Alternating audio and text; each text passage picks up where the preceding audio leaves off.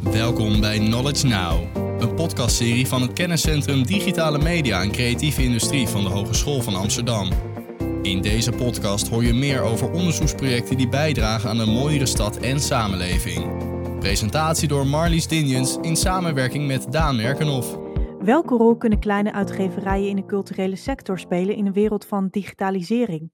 Wat is eigenlijk de betekenis van een uitgever in een tijd waarin iedereen iets kan publiceren? Van een zelfgemaakt e-book tot een essay op een website of het maken van een compleet digitaal nieuwsplatform. Het zijn onderzoeksvragen die ten grondslag liggen aan Making Public, een project van het lectoraat Netwerkcultuur. Ik praat daar vandaag over met onderzoeker en schrijver Mirjam Rasch. Hoi Mirjam. Hallo.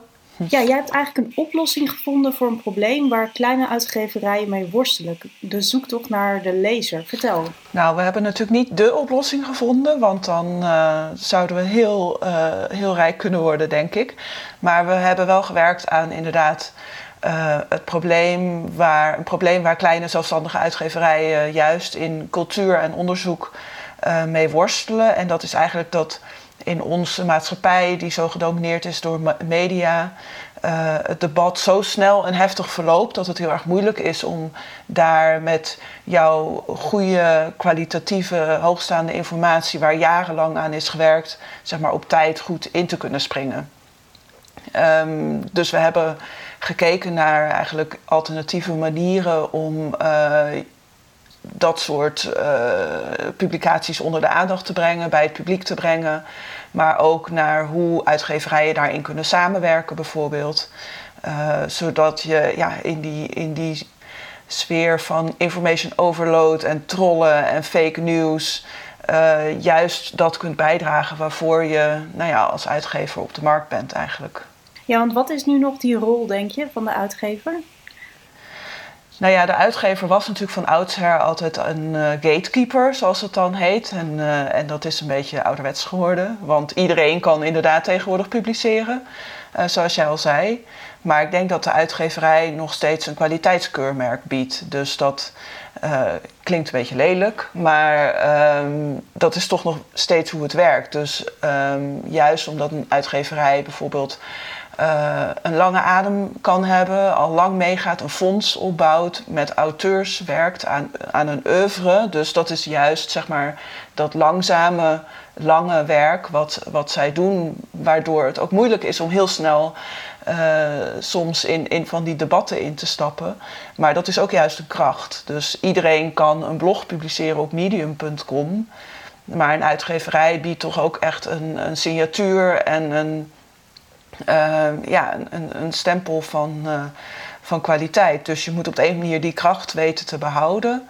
En dan toch op, ja, met, met interessante nieuwe manieren uh, die positionering, zoals we dat dan noemen bij de lezer, ook voor elkaar krijgen. En helpt het ook om een verhaal als uitgever ook op meerdere manieren te gaan aanbieden? Bijvoorbeeld ook door middel van een podcast of op, op andere digitale manieren? Nou ja, dat is wel iets wat wij uh, hebben onderzocht en waarvan we denken dat het inderdaad heel verstandig en slim uh, kan zijn. Uh, zeker als het gaat om onderzoek en zeg maar non-fictie informatie, om maar even zo te noemen. Bij poëzie is het misschien iets anders, hoewel je ook hele goede poëziepodcasts hebt. maar in dat geval wil je toch iets vertellen en iets overbrengen. En door het op verschillende manieren aan te bieden, bereik je ook weer verschillende groepen uh, lezers of luisteraars dan in dat geval. Maar ik denk dat wat in ons onderzoek ook wel erg naar voren is gekomen, is dat je dan juist niet moet denken aan, oh ik heb één boodschap en die ga ik nu via vijf verschillende kanalen zenden. Maar dat je juist ook door die verschillende manieren te gebruiken kunt laten zien dat het verhaal ook meerdere kanten heeft. En dat uh, verschillende lezers en verschillende luisteraars daar op een andere manier uh, iets uithalen of uh, daar op een andere manier mee engageren of daar op een andere manier door geactiveerd worden. Juist omdat het verhaal ook op een, ja, een verhaal is, zullen we maar zeggen.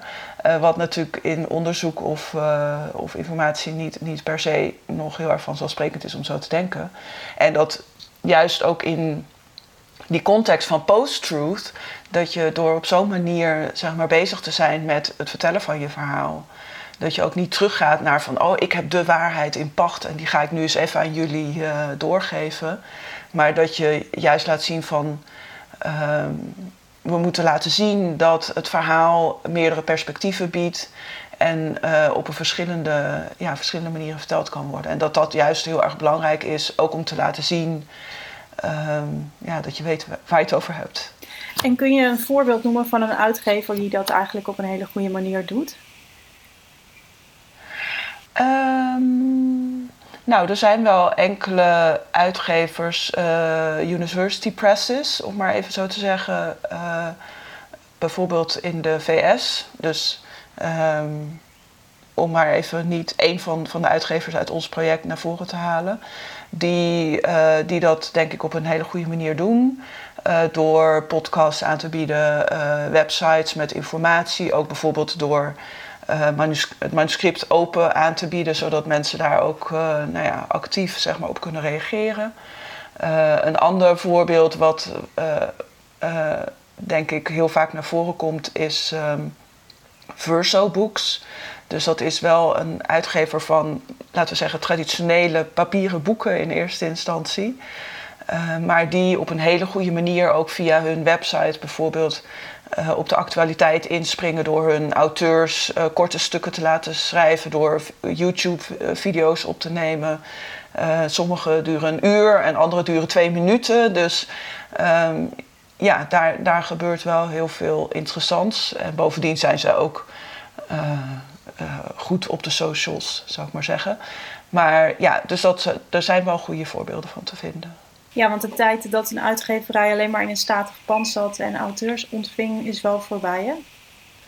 Ja, ik denk dat wat vooral ook uit ons onderzoek naar voren is gekomen, is um, dat dat oude model inderdaad van, van de top van de piramide, bij wijze van spreken, en, uh, uh, en de lezers, dat zijn gewoon de klanten of de consumenten die dan de boeken moeten kopen. Dat, dat is onhoudbaar sowieso voor de wat kleinere uitgeverijen die het juist ook moeten hebben van uh, communityvorming en dat soort dingen. Dus we zijn ook wel veel bezig geweest met inderdaad uh, een meer horizontale manier van kijken naar uh, het lezerspubliek bijvoorbeeld. Of door echt te kijken naar hoe, dat, hoe je de publicatie niet zomaar de wereld instuurt in de hoop op zoveel mogelijk kliks. Maar dat het er echt om gaat dat het bij de juiste lezer terechtkomt.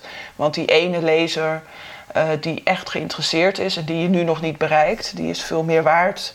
Uh, in feite dan 100 mensen die, uh, die dan op een Instagram bericht hebben, met een hartje hebben gereageerd, bijvoorbeeld. En nu heb je zelf onlangs ook een boek gepubliceerd. Gefeliciteerd Klopt. daarmee. En waar gaat het over? ja, nou, dat gaat over iets heel anders. Of voor mij gaat alles natuurlijk enigszins over hetzelfde. Maar uh, dat heet Frictie, ethiek in tijden van dataïsme. En uh, dat gaat uh, dus over uh, dataïsme als zeg maar de leer of het geloof in, in de heilzame werking van data en dataverzameling. waar onze politici en natuurlijk Silicon Valley en zo nou ja, enorme aanhangers van zijn. en ik probeer daar de premisse een beetje van te beschrijven vanuit de filosofie. En um, eigenlijk vertrekt het boek vanuit het idee van, of de vraag van hoe komt het toch dat, dat ethiek het zo lastig heeft als het gaat om technologie?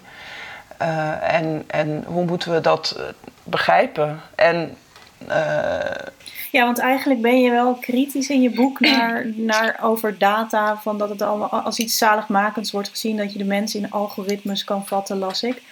Nou ja, het grote probleem van uh, het dataïsme is dat het wordt voorgesteld als iets alomvattends. Dus data kunnen alles verta in data kan alles vertaald worden. Data kunnen alles beschrijven. En daarmee kunnen ze ook gaan voorspellen. En uh, dus een soort van zekerheid bieden of veiligheid bieden. En ja, daar is filosofisch gezien van alles op aan te merken. En bovendien, als je dat vanuit de ethiek beschouwt dan, dan, dan wordt duidelijk dat dat op een soort van gespannen voet staat met elkaar. Want ethiek stelt juist de vraag van wat moeten we doen? dat, dat gaat over onzekerheid, over verschillende waarden die met elkaar in, in, in botsing komen, over dilemma's, al die dingen meer. Dus ik gebruik Simone de Beauvoir, die Ehm, die zegt van ethiek begint bij onvoorspelbaarheid en onzekerheid. Dus dat staat haaks op dat idee van data die alles kunnen voorspellen en alles kunnen weten. Um, nou ja, dus daar gaat het over. En uiteindelijk uh, wil ik natuurlijk ook iets daartegenover zetten. Uh, dus het gaat ook heel veel over andere manieren om de wereld te kennen of om betekenis te geven, bijvoorbeeld vanuit de literatuur of vanuit uh, de filosofie ook.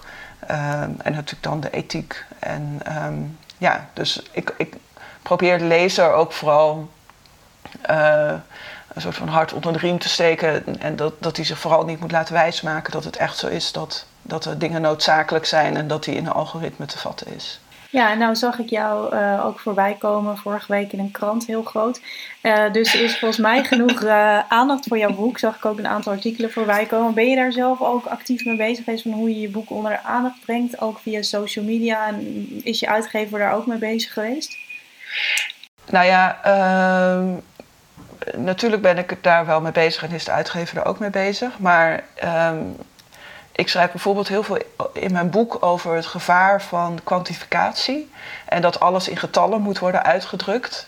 En dat is natuurlijk ook iets wat in het uh, Making Public project naar voren is gekomen. Van we moeten, we moeten weg van alleen maar kijken naar de kliks en de cijfers en uh, dat soort dingen. En bijvoorbeeld kijken naar wie is dan die ene lezer die voor ons heel veel kan betekenen. Die wil je dan bereiken. Nou, en dat, dat heb ik wel zo geïnternaliseerd dat dat ik merk dat, dat, ik, uh, dat ik niet heel veel bezig ben. Dus inderdaad met, uh, met hoeveel mensen dan uh, mijn, mijn, bericht op Twitter over, over het boek hebben geliked.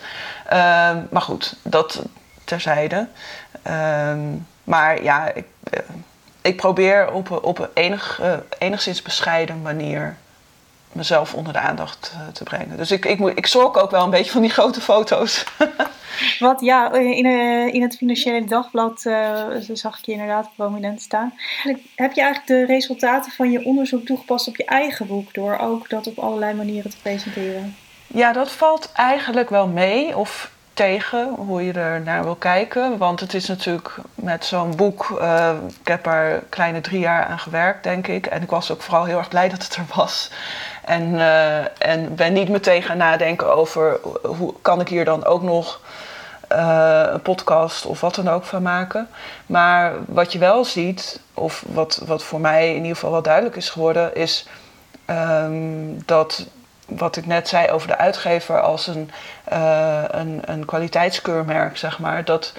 Uh, dat het is uitge uitgekomen bij de bezige bij. En, en je merkt gewoon dat daardoor ook mensen het, het zien. En daardoor krijgt het aandacht en komt het in de krant. En dat geeft mij uh, de gelegenheid om er op allerlei verschillende manieren over te praten. Dus voor, dat, dat is wat ik zelf erg leuk vind. En hoe dat boek ook in eerste instantie voor een groot gedeelte is ontstaan en tot stand gekomen door op allerlei avonden en discussies en werkcolleges en gastlessen en weet ik veel wat allemaal.